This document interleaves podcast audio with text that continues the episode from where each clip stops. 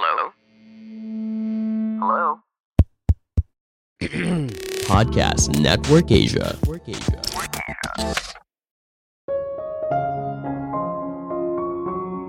Untuk menjadi seorang pemimpin yang hebat memang tidak mudah dan perlu waktu yang tidak sebentar.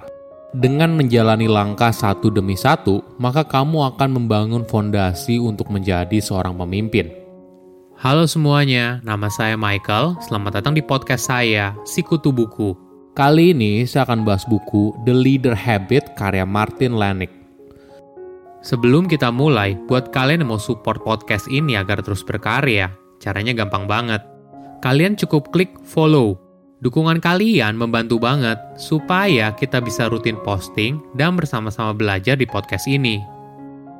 Buku ini membahas apa kebiasaan seorang pemimpin yang sukses. Banyak orang merasa kalau seorang bisa jadi pemimpin itu karena dari sananya. Mereka punya bakat untuk jadi pemimpin, entah kamu punya atau tidak. Apakah benar?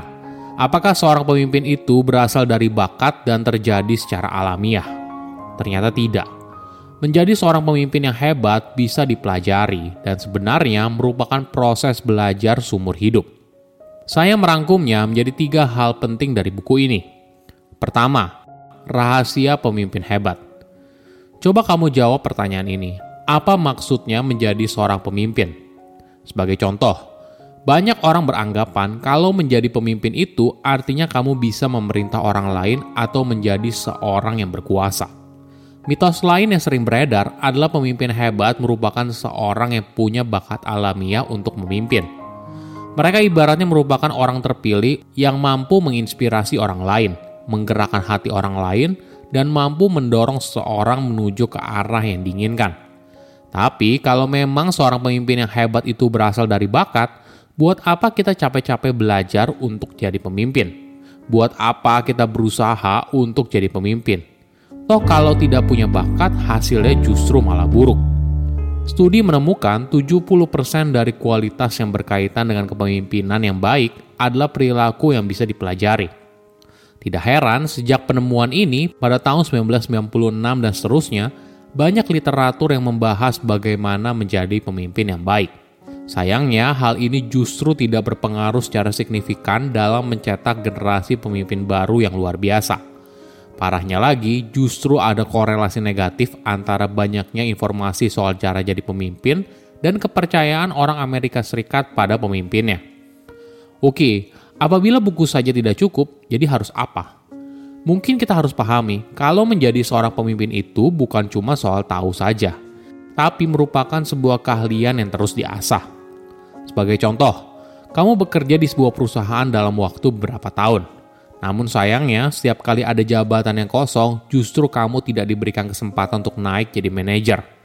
Ternyata rekan kerjamu melihat kamu sebagai pribadi yang meledak-ledak, emosional, dan suka ngotot.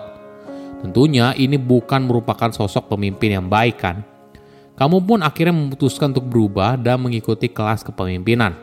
Kamu belajar untuk bertanya dengan pertanyaan terbuka seperti kata apa dan bagaimana Pelan-pelan hubungan kamu dan rekan kerja pun membaik. Kedua, tips belajar jadi pemimpin hebat. Belajar sesuatu yang baru itu butuh waktu. Coba bayangkan seorang pemain musik. Tentunya kamu tidak bisa langsung memainkan sebuah lagu kan? Kau perlu belajar sedikit demi sedikit dan mengulangnya terus-menerus hingga kamu jadi mahir. Sama halnya dengan latihan menjadi seorang pemimpin Penulis membagi kualitas utama seorang pemimpin yang efektif menjadi dua kategori, getting things done dan focusing on people. Tentunya di dalam dua kategori besar ada banyak keahlian yang harus dikuasai. Misalnya di dalam kategori getting things done, ada keahlian soal perencanaan, mengatur prioritas, delegasi, dan menciptakan perasaan yang mendesak. Namun perlu diingat, mengetahui keahlian apa saja yang perlu dipelajari tidak sama dengan menguasainya. Penulis percaya kita perlu memulai dengan micro habits, artinya kebiasaan kecil yang membantu kamu untuk menguasai hal besar. Coba bayangkan kamu baru keluar dari rumah dan kelupaan untuk bawa kunci motor. Lalu kamu berteriak kepada orang rumah untuk minta tolong diambilkan kuncinya. Adikmu pun keluar dan melemparkan kunci ke arahmu. Tentunya dia tidak bilang, oke saya lempar ya, kamu harus tangkep loh.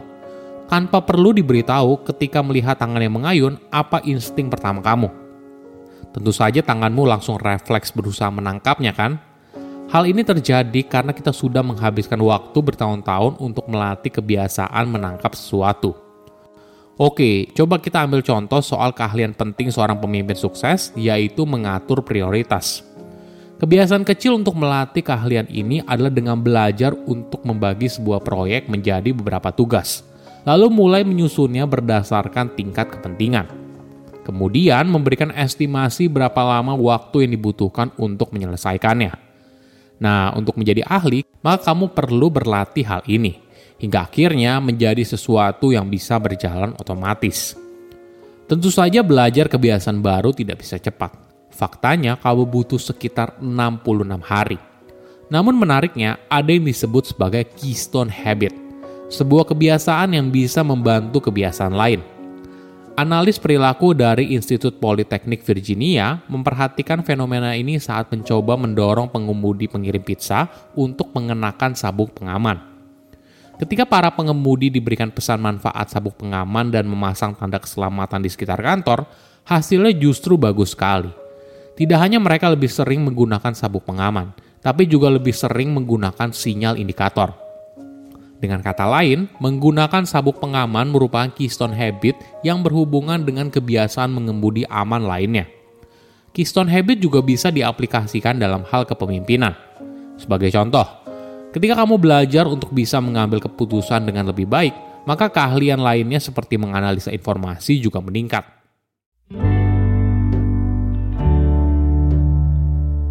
Ketiga, kebiasaan pemimpin hebat.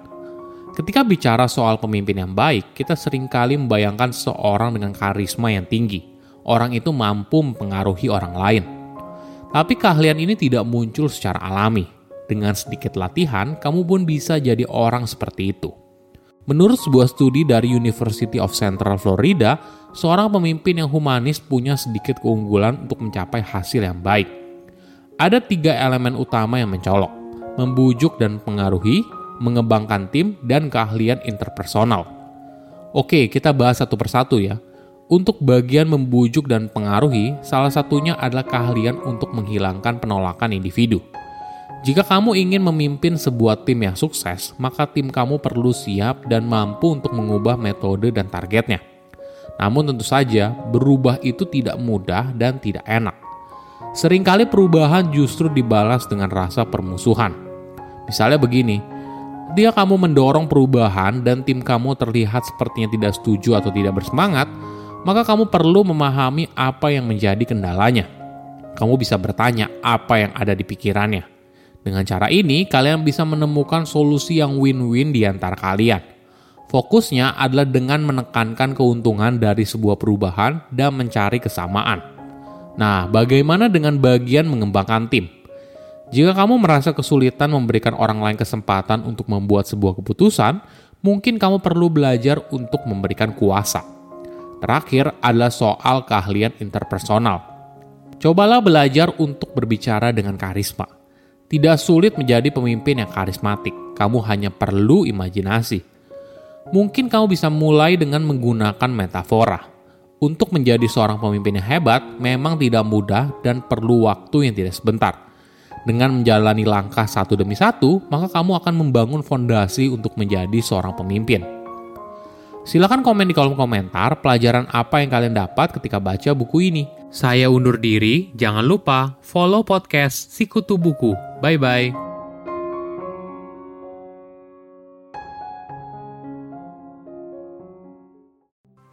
Pandangan dan opini yang disampaikan oleh kreator podcast, host, dan tamu tidak mencerminkan kebijakan resmi dan bagian dari podcast Network Asia. Setiap konten yang disampaikan mereka di dalam podcast adalah opini mereka sendiri dan tidak bermaksud untuk merugikan agama, grup etnik, perkumpulan, organisasi, perusahaan, perorangan, atau siapa pun dan apa pun.